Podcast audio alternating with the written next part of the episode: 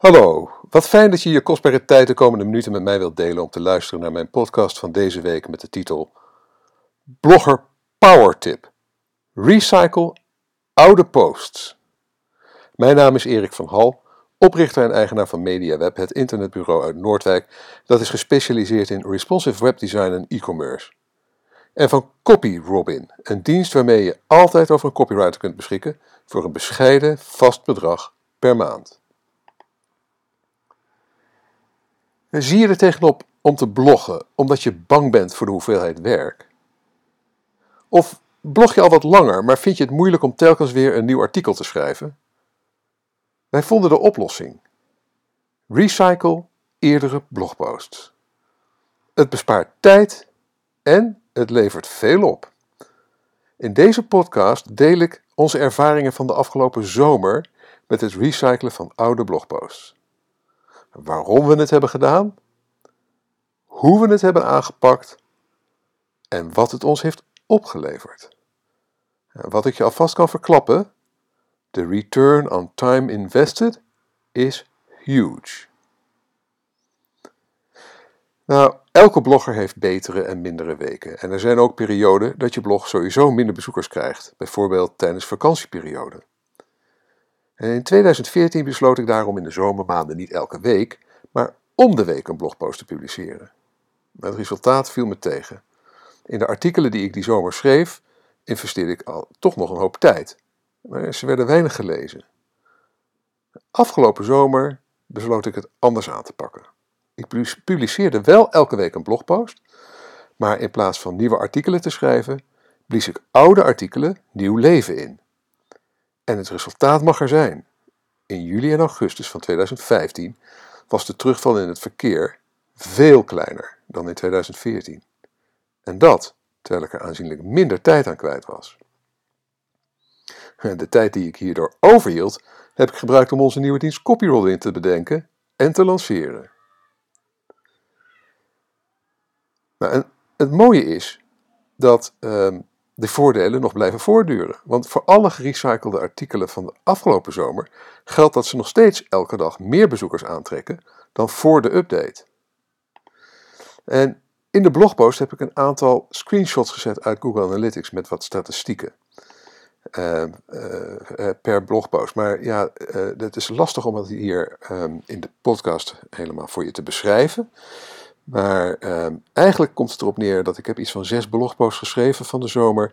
En bij allemaal zie je ehm, een, een, dat er, er, een veel grotere ehm, piek is in in de zomer van 2015 dan bij de oorspronkelijke publicatie.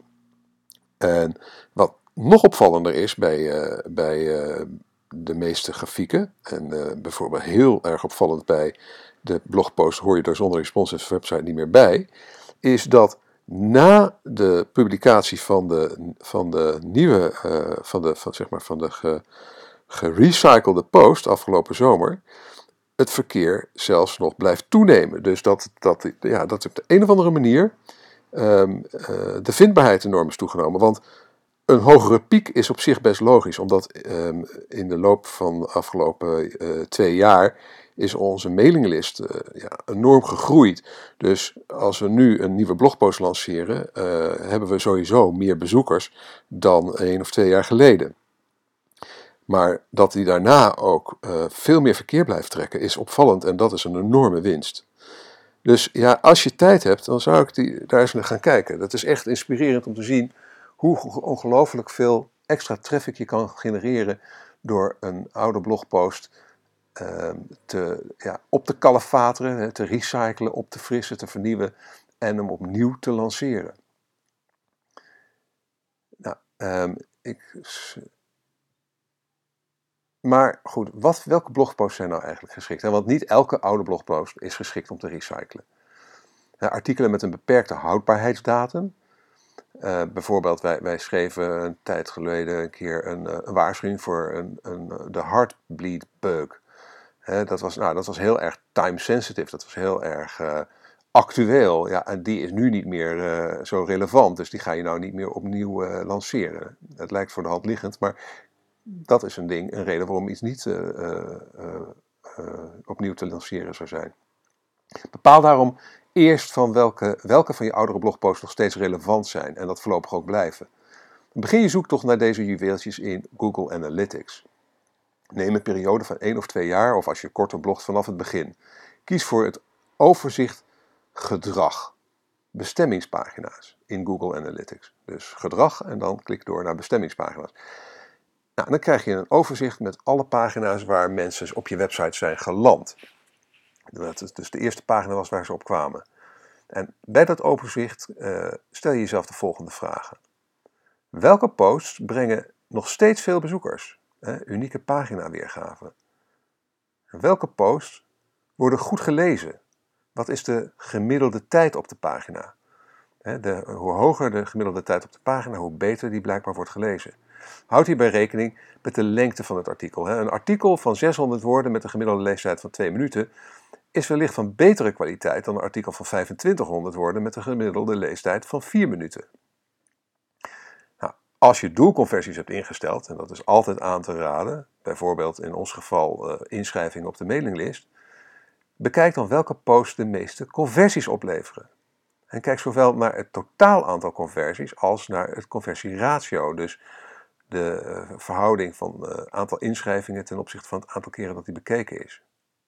Nou, op basis van deze vragen kun je een lijst van potentiële kandidaten voor de recycling opstellen. En dit is een goed moment om de artikelen er dus, uh, die te tijdgebonden zijn uh, uit je lijst te filteren. En vervolgens ga je de lijst verder verfijnen, als het nodig is, door ze stuk voor stuk op te roepen in je browser en per post de volgende gegevens noteren. Hoeveel social shares en hoeveel reacties. Want artikelen met veel shares en veel reacties zijn doorgaans goede kandidaten voor een update. Mocht je echter zelf van een artikel met weinig shares en reacties toch vinden dat de inhoud goed is en nog steeds relevant, kun je er uiteraard voor kiezen om het toch te recyclen. Als je het artikel goed promoot, krijgt het wellicht deze keer meer shares en reacties. En tenslotte kun je de lijst nog verder verfijnen op basis van welke artikelen je zelf het meest belangrijk vindt. Hoe pak je dat nou aan? Nou, begin met de geselecteerde artikelen een plaats te geven op je redactionele kalender. Die heb je toch wel? Nou, zo niet, dan is dit een mooi moment om ermee te beginnen.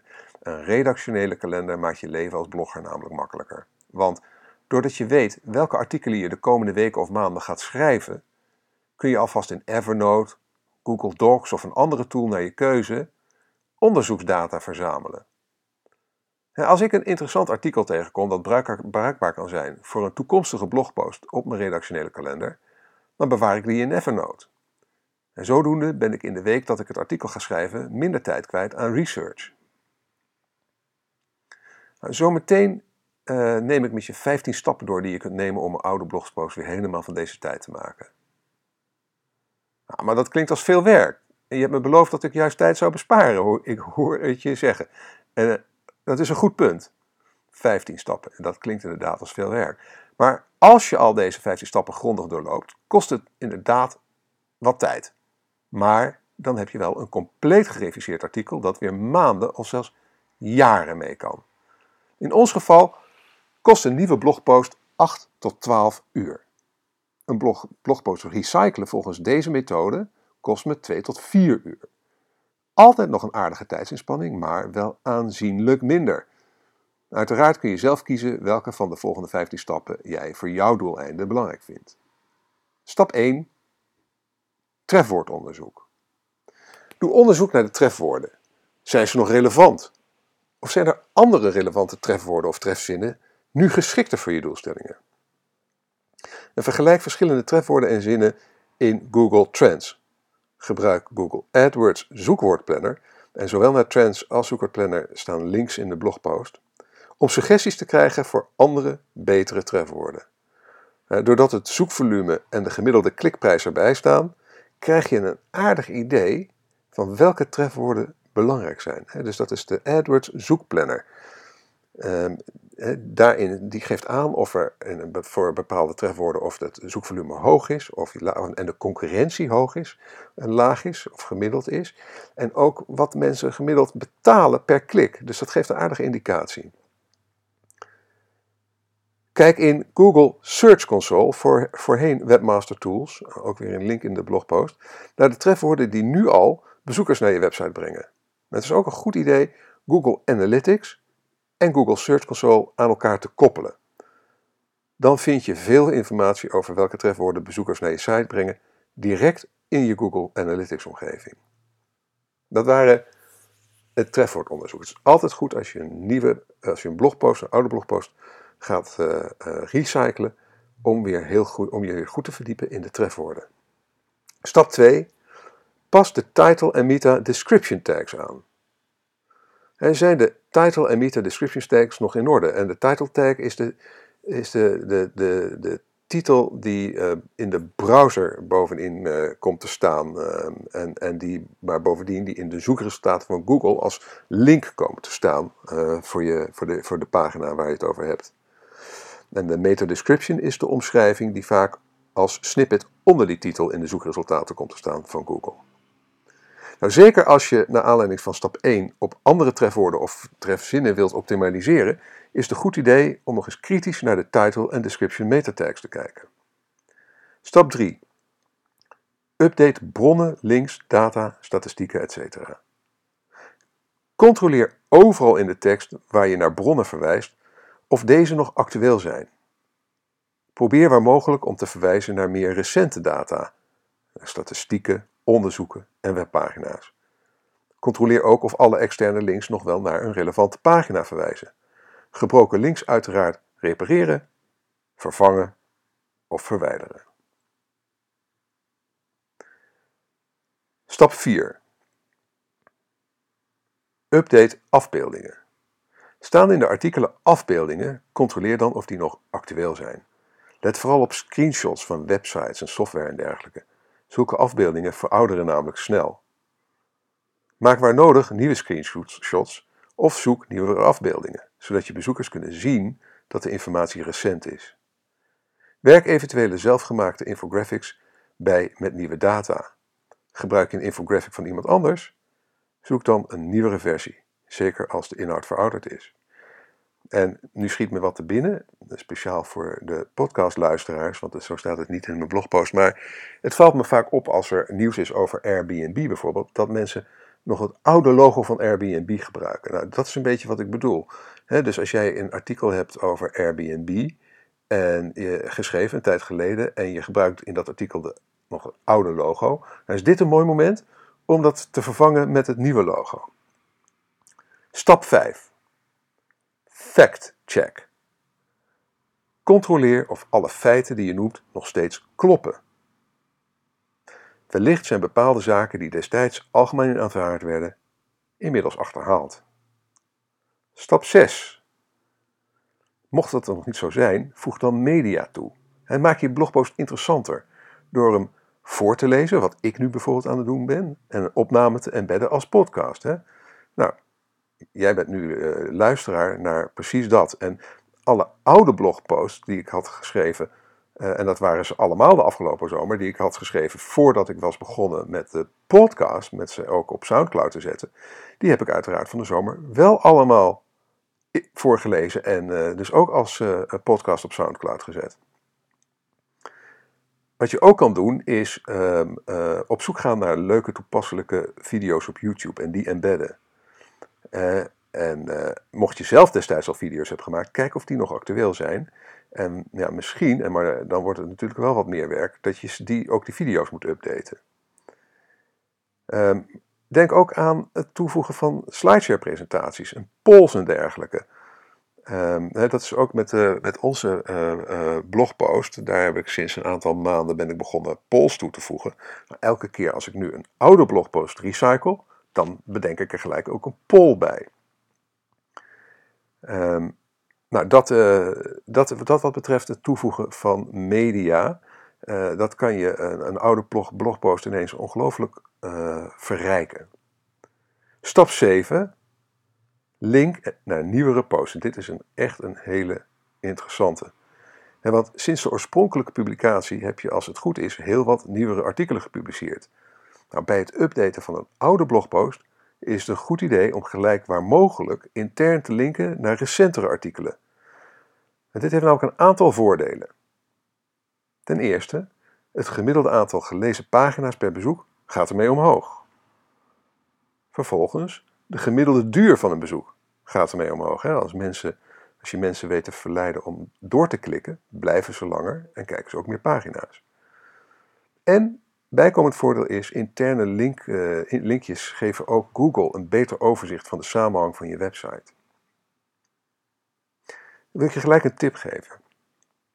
Neem altijd na het publiceren van een nieuwe blogpost de tijd om vanuit oudere blogposts, daar waar het relevant is, naar de nieuwe blogpost te linken. Het is goed voor je lezers, het is goed voor je SEO.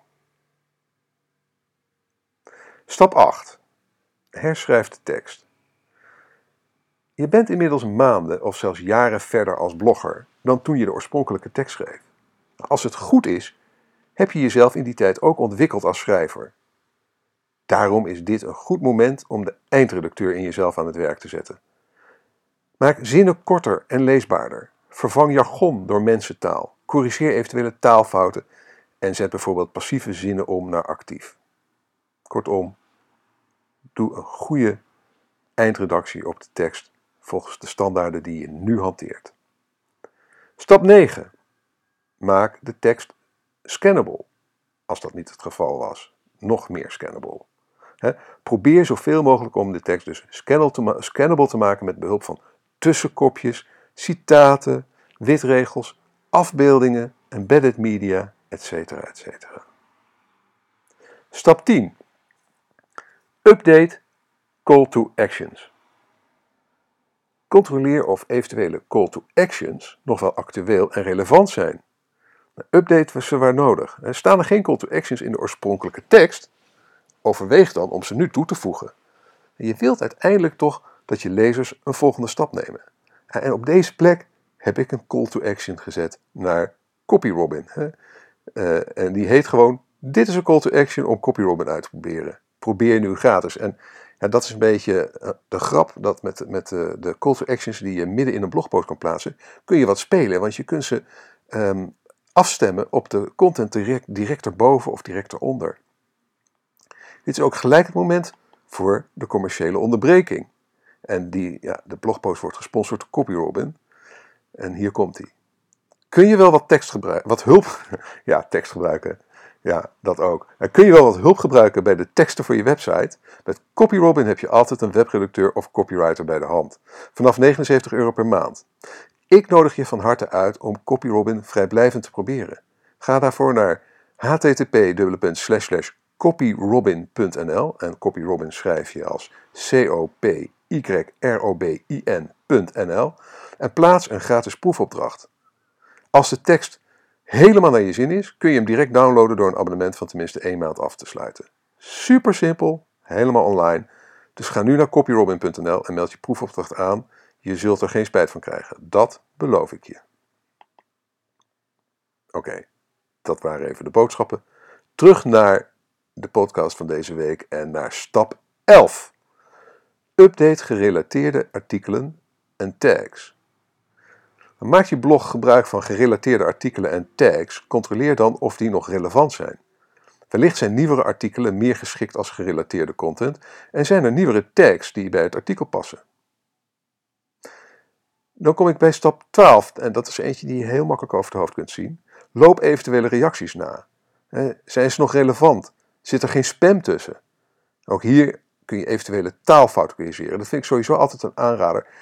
Als mensen een reactie schrijven onder je blogpost en ze maken een typfout of een spelfout, corrigeer het gewoon. Laat ze niet voor staan.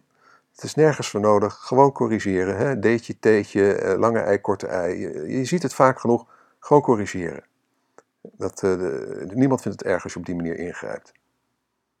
Dan komen we bij stap 13. Pas de publicatiedatum desgewenst aan. Oké, dit is een punt van, um, ja, daar moet je je eigen eh, eigen inzicht voor gaan gebruiken. Maar als je het artikel echt als een geheel nieuwe post wilt publiceren, kun je overwegen om het oude artikel middels een 301 redirect door te verwijzen naar het nieuwe artikel. Maar vanuit SEO-oogpunt, zoekmachine-optimalisatie-oogpunt, kun je het beste de URL zoveel mogelijk ongemoeid laten. Hè? Dus oorspronkelijke adres die het heeft, http, et cetera, et cetera, gewoon ongewijzigd laten. De publicatiedatum is een persoonlijke keuze. Of je kiest ervoor de nieuwe datum te gebruiken, of je kiest ervoor een update datum te vermelden. Nou, wij hebben ervoor gekozen om bij onze gerecyclede artikelen de URL ongemoeid te laten, maar een nieuwe publicatiedatum te gebruiken. Eh, daardoor staat het artikel weer vier weken op de homepage en bovenaan de blogs overzichtpagina. En de zoekresultaten van Google tonen ook de nieuwe datum. En aangezien veel mensen zoeken naar recente informatie, is dat een belangrijk voordeel. Maar je kunt er ook voor kiezen om het artikel op de oorspronkelijke publicatiedatum te laten staan en er alleen aan toe te voegen, laatste update en dan de datum. Hè? De dag, dag, maand, maand, jaar, jaar, jaar, jaar, bijvoorbeeld. Goed. We komen bij stap 14. Voeg een update verklaring toe. Voeg een alinea toe waarin je uitlegt dat dit artikel een grondige update heeft eh, gehad. Vermeld hierin de oorspronkelijke publicatiedatum, de update datum en wat er zoal is vernieuwd. Een voorbeeld uit onze blog van afgelopen zomer. We publiceerden deze blogpost oorspronkelijk op 15 augustus 2013, maar hebben hem uitgebreid en, en up-to-date gemaakt. we hebben hem uitgebreid en up-to-date gemaakt met onder andere nieuwe onderzoeken, bronnen en voorbeelden. Nou, of je deze alinea bovenaan of onderaan het artikel plaatst, dat mag je van mij betreft zelf bepalen. Wij kozen ervoor om het onderaan het artikel te doen. En dan komt stap 15, de laatste stap. En dat is eigenlijk een hele belangrijke stap en eentje waar je ook echt nog wat tijd voor mag uittrekken. En eentje die zich ook echt zal terugbetalen, namelijk promote je post. Promote hem opnieuw. Zodra je de geheel vernieuwde blogpost opnieuw publiceert, is het zaak deze flink te promoten. En wees daarbij niet bang om het artikel meerdere keren te vermelden in social media, social media updates.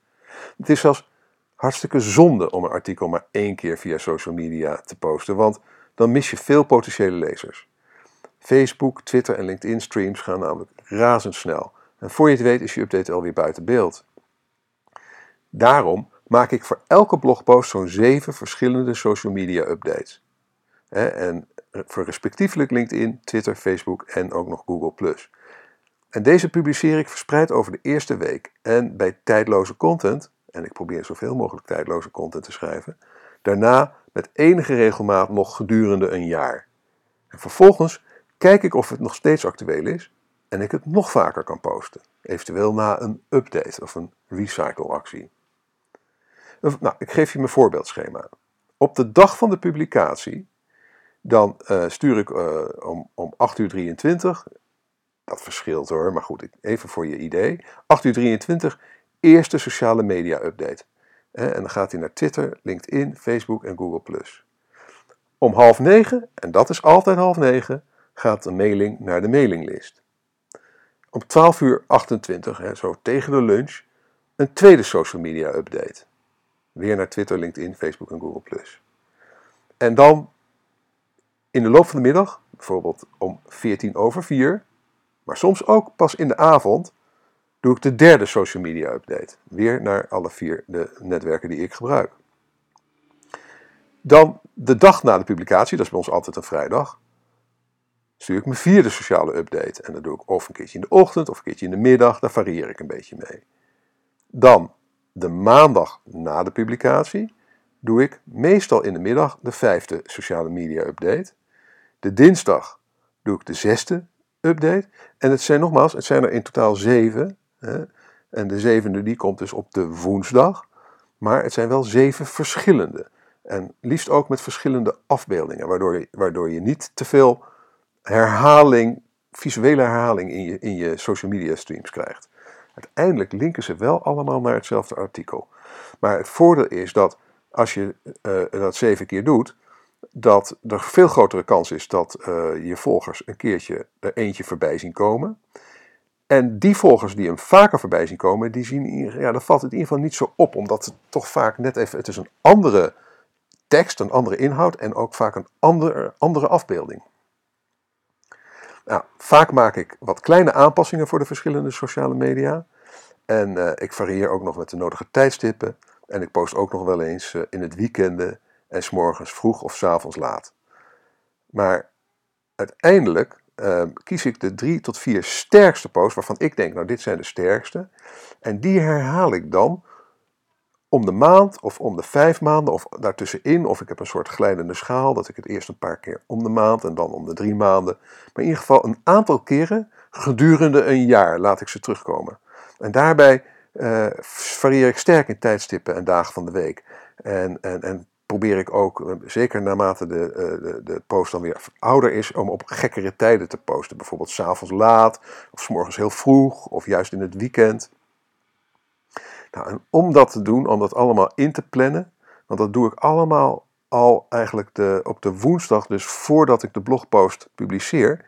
Op die dag plan ik ze allemaal in, al voor een heel jaar. En daarvoor gebruik ik Octopost. En Octopost kun je vinden op octopost.com. Een linkje is er ook in de blogpost. Het is geen affiliate linkje, gewoon een linkje. Ik zou er eens uh, een kijkje nemen als je dit ook wilt doen. Nou, tot slot heb ik nog wat andere mogelijkheden op een rijtje gezet die uh, uh, om, om, herge, om, om, je tijdloze content, uh, waar je ooit een keer veel tijd en energie in hebt gestoken, om die ook te hergebruiken op andere manieren dan het opnieuw lanceren als blogpost. Denk bijvoorbeeld aan een nieuwsbrief. Hè. Schrijf een samenvatting van een paar oudere blogposts voor je nieuwsbrief. Of vorm ze om tot een presentatie of een webinar. maak een presentatie, bijvoorbeeld een slideshare of een presi van een oudere blogpost. En je kunt er vervolgens dus ook nog eens een webinar van maken. Een e-book. Bundel een aantal blogposts over hetzelfde onderwerp tot een e-book prima als lead magnet om mensen zich te laten inschrijven voor je mailinglist. Infographic. Maak een infographic op basis van een eerdere blogpost. Afbeeldingen. Gebruik citaten uit oudere blogposts voor inspirerende visuele social media updates. Video of audio. Maak video's of podcasts van oudere blogposts. Gastblogs, syndicatie. Publiceer je betere blogposts op andere websites. Ga altijd voor groter dan jezelf. dus niet uh, op kleinere blogs dan je eigen blog publiceren, maar juist op de grotere. En beding een canonical tag. En dat is uh, een, een, een, linkje in de, in de blogpost uh, waar wordt uitgelegd wat het is. Maar vraag altijd om een canonical tag terug naar het origineel voor je eigen zoekmachine optimalisatiedoeleinden. Ik doe dat bijvoorbeeld bij e-mers. Dus de meeste blogposts die ik publiceer op MediaWeb worden gesyndiceerd, hè, worden als gastblog ook geplaatst op e-mers. En tenslotte kun je nog wat overzichten maken. Hè. Maak meest populaire overzichtpagina's voor diverse categorieën. En ik heb twee linkjes in de, in de, in de blogpost gezet naar um, voorbeelden daarvan van Crazy Egg en HubSpot. Het is iets wat ik zelf ook nog wil gaan doen, maar waar ik nog niet aan ben toegekomen. Maar ik, uh, ik heb dat zeker in de planning zitten. Nou goed, dat was de, blog, de, de podcast weer deze week. Bedankt voor het luisteren. Als je graag op de hoogte blijft, schrijf je dan in voor onze nieuwsbrief via bit.ly slash mediweb-nieuwsbrief. Je kunt dan bovendien gratis deel 1 van mijn e-book Online Marketing Checklist editie 2015 downloaden. En als je met plezier hebt geluisterd, laat een review achter bij Soundcloud of in de reacties onder de blogpost op onze website. Weer heel erg bedankt voor het luisteren. Zeker als je het weer helemaal tot het einde hebt gedaan. Heel bijzonder. stel ik erg op prijs. Um, dus heel erg bedankt ervoor en heel graag tot de volgende keer.